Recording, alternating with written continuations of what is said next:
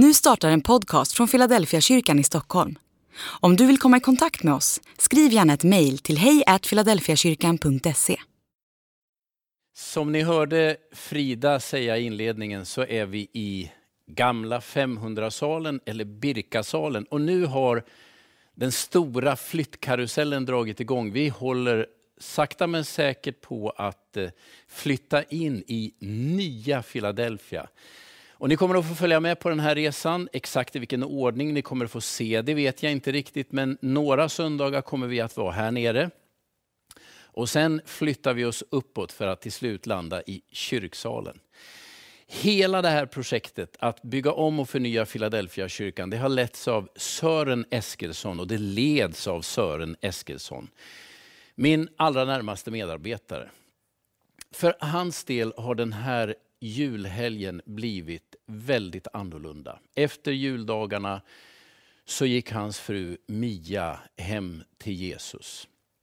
Hon har varit sjuk en period, vi visste att detta var på väg. Men jag vill ändå nämna detta och innan jag går vidare innesluta Sören och hans familj i, i bön.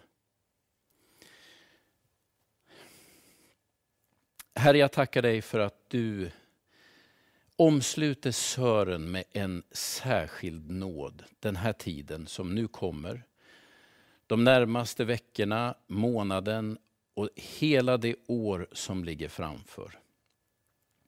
Ber att du låter din helige Ande omsluta honom, trösta honom, stärk honom. Herre, kommer ditt ljus över honom, över barn och barnbarn. Alla som nu den här helgen har drabbats av sorg. Tack Herre för att vi får lita på att du går med oss också genom det som kallas dödsskuggans dal. Och du leder oss ut på andra sidan. Nu ber vi Herre om nåd och välsignelse över Sören. Amen. Sören Eskilsson, vice föreståndare här i, i Philadelphia församlingen och den som har lett och leder hela det här fantastiska arbetet. Du är innesluten. Mina förböner, hela Philadelphia församlingens förböner och många ut över Sverige tänker på dig alldeles särskilt. Det är ju ett eh, nytt år och som Frida också sa så brukar vi ha en eh, visionskonferens i början på året. Vi har haft det några år i rad. Nu är det inte möjligt. Men tre söndagar här i inledningen så vill vi ändå sätta fokus på det som kommer bortom pandemin. För det är ju säkert. 2021 tror vi blir året då den här pandemin slutligt besegras och vi kan börja träffas igen. Och idag skulle jag vilja säga några ord om det som är vårat syfte. Hela det här kyrkbygget för 100 miljoner kronor och möjligen lite till. Vad är poängen med det här? Vi är här för att stanna, säger vi. Men varför då? Vad är det vi vill? Jag ska ta med dig till en berättelse ur Andra Mosebok om Mose. Han som är Gamla testamentets absolut mest välkända gestalt. Den store profeten och ledaren i Gamla testamentet. Jag ska läsa om hans kallelse i tredje kapitlet i Andra Mosebok. Och vi dyker in i berättelsen där Mose har sett den brinnande busken och hur Gud har kallat på honom. Och Han går dit, tar av skorna från sina fötter, böjer knä. Och när Gud börjar tala så är det detta Gud säger. Följ med mig. Herren sa, jag har sett hur mitt folk plågas i Egypten. Jag har hört deras klagorop över sina slavdrivare. Ja, jag vet vad de får lida. Därför har jag stigit ner för att befria dem från egyptierna och föra dem från Egypten till ett land som är rikt och vidsträckt och som flödar av mjölk och honung. Det land där nu kananéer, hetiter, amoreer, periseer, hiver och jevuséer bor. Nu har israeliternas klagorop nått mig Och jag har själv sett hur egyptierna plågar och förtrycker dem. Här börjar berättelsen om uttåget ur Egypten. Och berättelsen börjar ju till synes med Moses. Men när Gud väl börjar tala så beskrivs en händelsekedja som går längre bak, bortom just starten på berättelsen och den brinnande busken.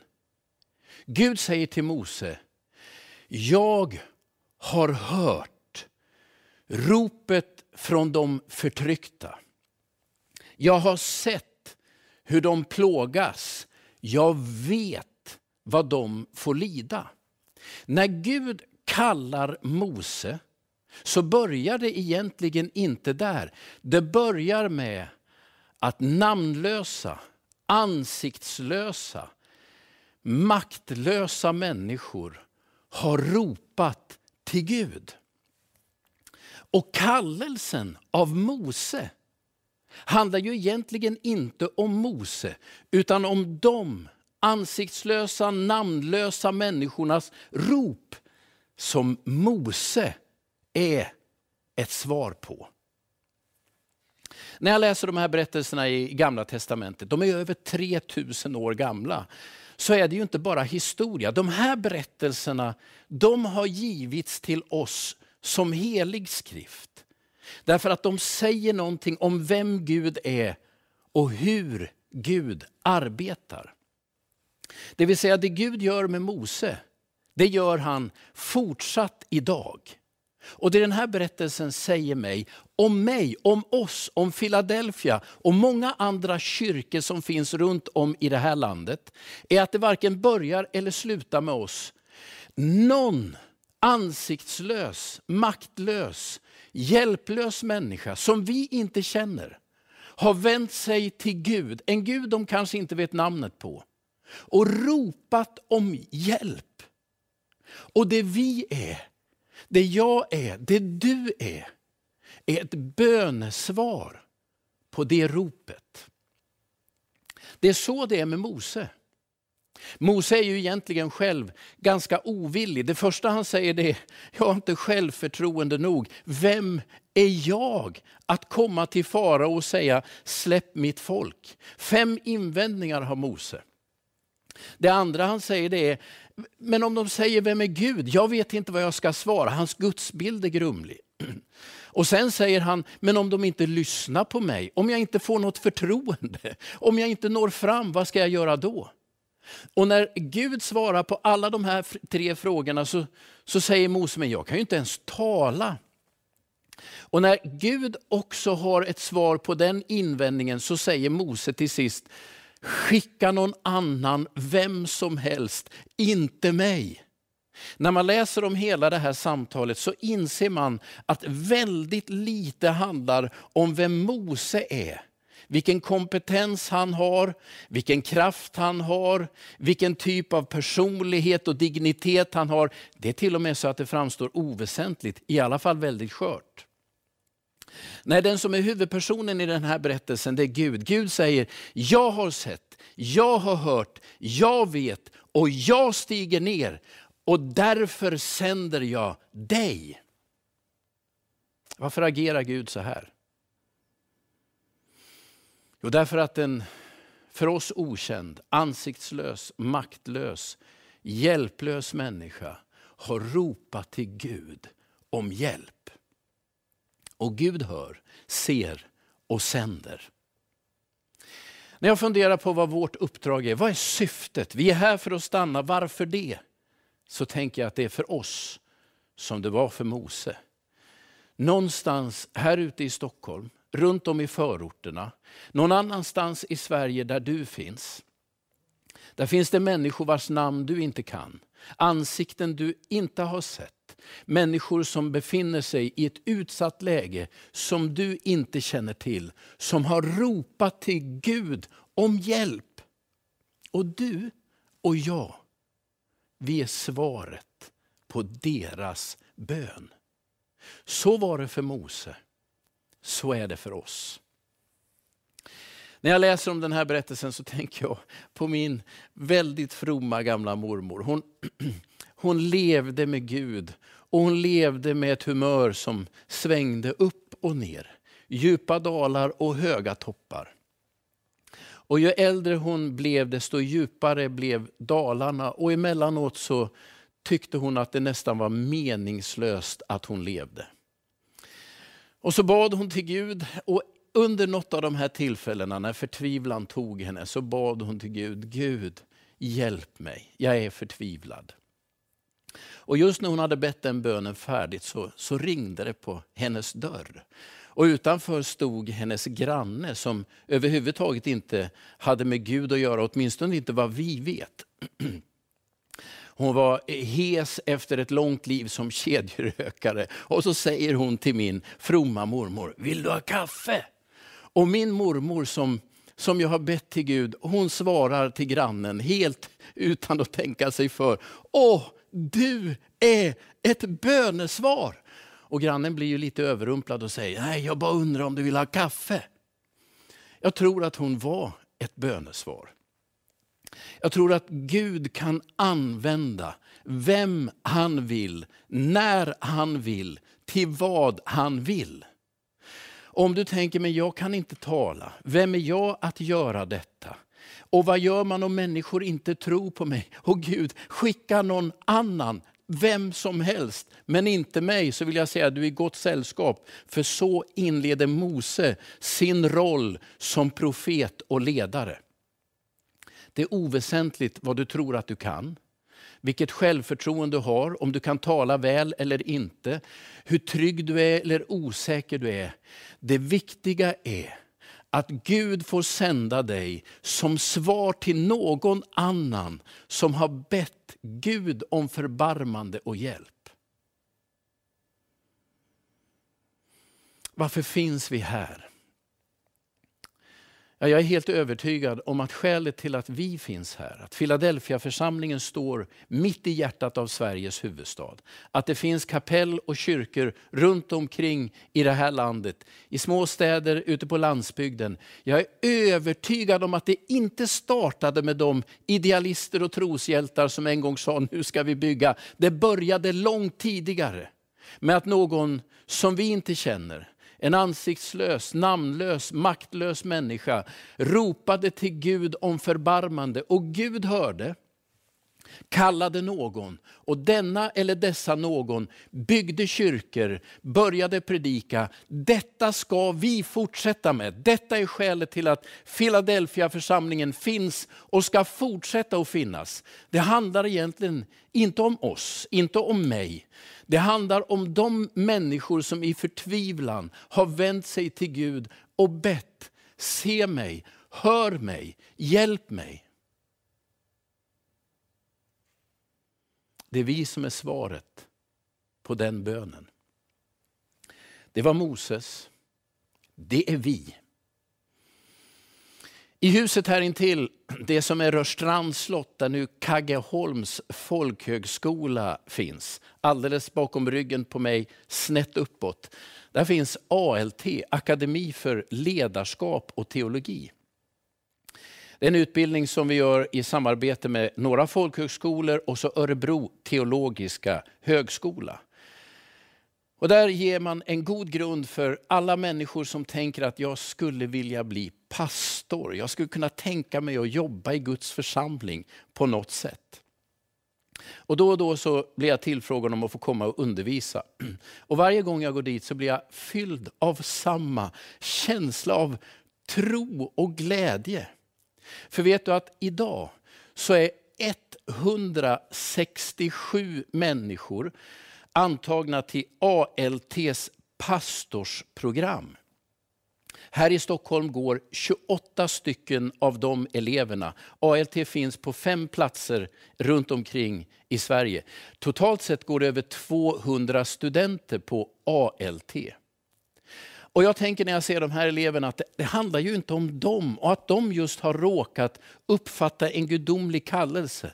För jag inser att bakom deras kallelse och det Gud har gjort i deras liv så finns en annan händelsekedja. Det började långt tidigare. Alla de unga människorna är för mig när jag ser dem Guds svar på ansiktslösa, maktlösa, hjälplösa människors rop på hjälp. Och varje gång jag ser dem så tänker jag det finns en framtid för kristenheten i det här landet. Spelar ingen roll hur man säger att vi tillhör världens mest sekulariserade länder. Om 168 människor har hört Gud kalla, så inser jag att det beror på att Gud har hört ropet från människor som ber om hjälp och förbarmande. Det var för några år sedan som, som det slog mig med sån kraft. Jag har sagt det här många gånger tidigare. Jag har egentligen ingen annan grund för det än att jag har läst Bibelns texter och tro mig jag har hört Gud tala. Jag är helt övertygad om att här i Stockholm, i Storstockholm, så finns just idag 200 eller 300 000 människor som direkt skulle säga att de ville bli med i Philadelphia-församlingen. Om de bara visste att vi fanns och om de bara visste att de fick. Sen finns det säkert en och en halv miljon som inte är där. Men jag tror att samtidigt som du lyssnar på detta, samtidigt som vi spelar in det här, samtidigt som du firar den här helgen, så finns det ansiktslösa, namnlösa och maktlösa människor runt omkring i Stockholms förorter, här inne i hjärtat av Stockholms stad, runt omkring i Sverige. Det går just nu mängder av röster till Gud från människor som inte riktigt vet namnet på vem de ber till, men som ropar ut sin nöd. Och jag vill tro att det är vi som är svaret på den bönen. Kunde Gud använda Mose, kunde Gud använda min mormors förökta granne, då kan han använda dig, då kan han använda oss. Och min bön är att 2020 ska han också använda Philadelphia församlingen. Det är därför vi har investerat i just den här platsen. Men det handlar egentligen inte om tegelsten, byggnader, ledningar och belysning. Det handlar om människor som har ropat till Gud, som vi tror att Gud har kallat oss att sträcka oss till som en hälsning från Gud själv. Jag vill avsluta den här, den här predikan med vårt syfte och bara berätta om någonting som slog ner i mig för några år sedan. Jag läste i tidningarna, jag tror att det var 2016, jag blev varse detta, då gängskjutningarna i Stockholm hade eskalerat mer och mer. Och jag skäms för att säga att jag sköt ifrån mig det där genom att tänka att det där är gängrelaterat. De skjuter varandra. Det där har inte med mig att göra. Men vid något av de här tillfällena så läste jag om de fyras gäng, eller de som kallades Dödspatrullen. De som enligt polisen och andra åtog sig morduppdrag mot ekonomisk ersättning. Det jag läste och det som slog ner i kroppen på mig, det gick som en stöt, var när jag insåg att de här pojkarna, de är jämngamla med mina egna söner. Och så tänker jag, hur skulle det vara om mina söner hade varit i den situationen? Plötsligt inser jag, här finns en mamma. Någonstans finns en pappa. Här finns syskon. Här finns oceaner av förtvivlan. Och så började jag titta på åldrarna på dem som dör i våra förorter.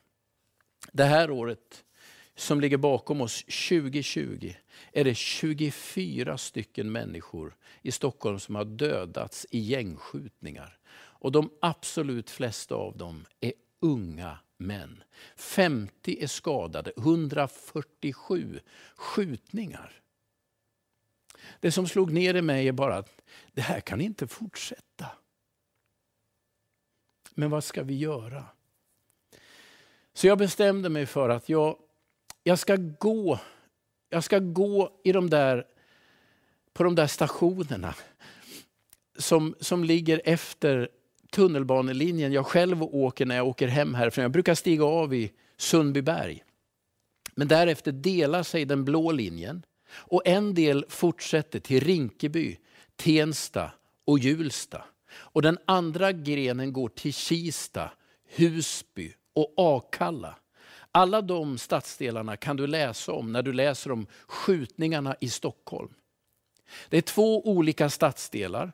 Den ena, den som hör Rinkeby, Kista, Husby, Akalla, är 54 000 människor. Bara i den delen av Stockholm finns det 1200 unga vuxna som inte har arbete, som inte har fullbordat en utbildning och som inte är i någon utbildning just nu. 1200 unga människor utan någon tydlig väg framåt.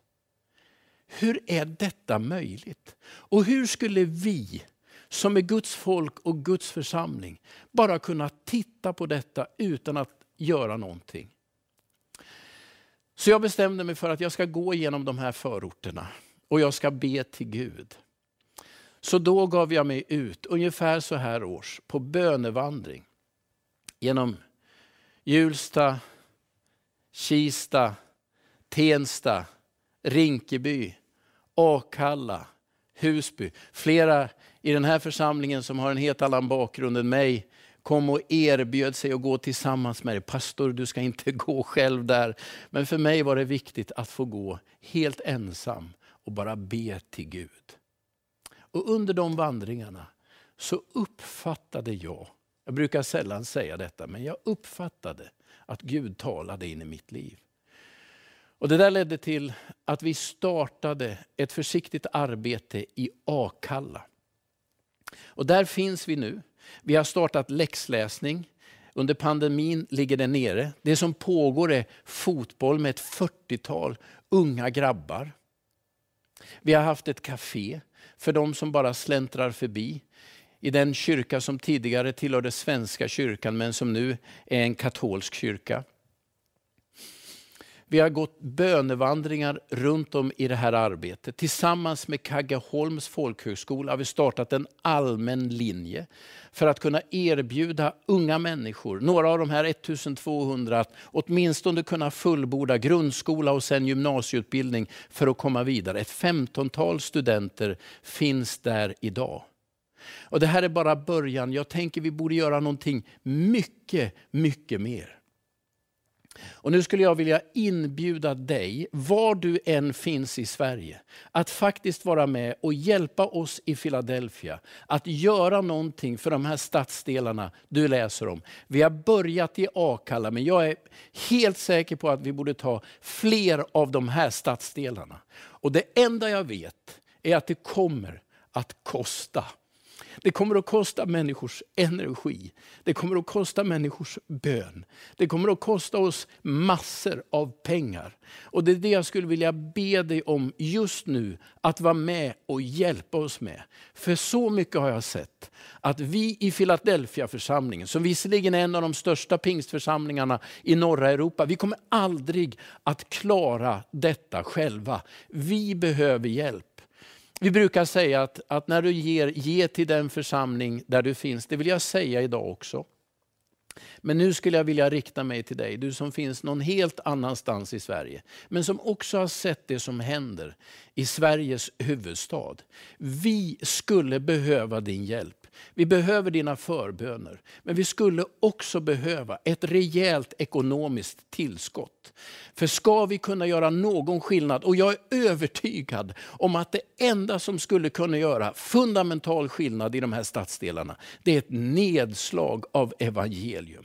Det är den helige andes kraft. Det är människor fyllda av Jesu kärlek, som spelar fotboll, som läser läxor, som går bredvid de som för så många av oss är helt okända. För att om möjligt hjälpa dem till en bättre framtid och för att när det går dela av sin tro. Nu skulle jag vilja vädja till dig, vem du än är, var du än finns. Var med, ge en rejäl gåva. Du kan swissa in, du kan använda bankgiro eller postgiro. Allt du ger idag kommer vi att investera i Stockholms förorter. Berätta att vi har byggt om den här kyrkan för 100 miljoner kronor plus moms. Det är inte det du är med och ger till nu. Nu ger du till de ansiktslösa, maktlösa, hjälplösa människorna som har ropat till Gud, de vi ännu inte känner.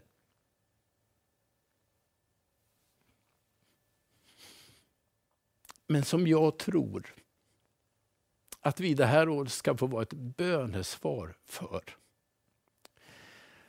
Ursäkta, det är svårt att tala om detta för det tar.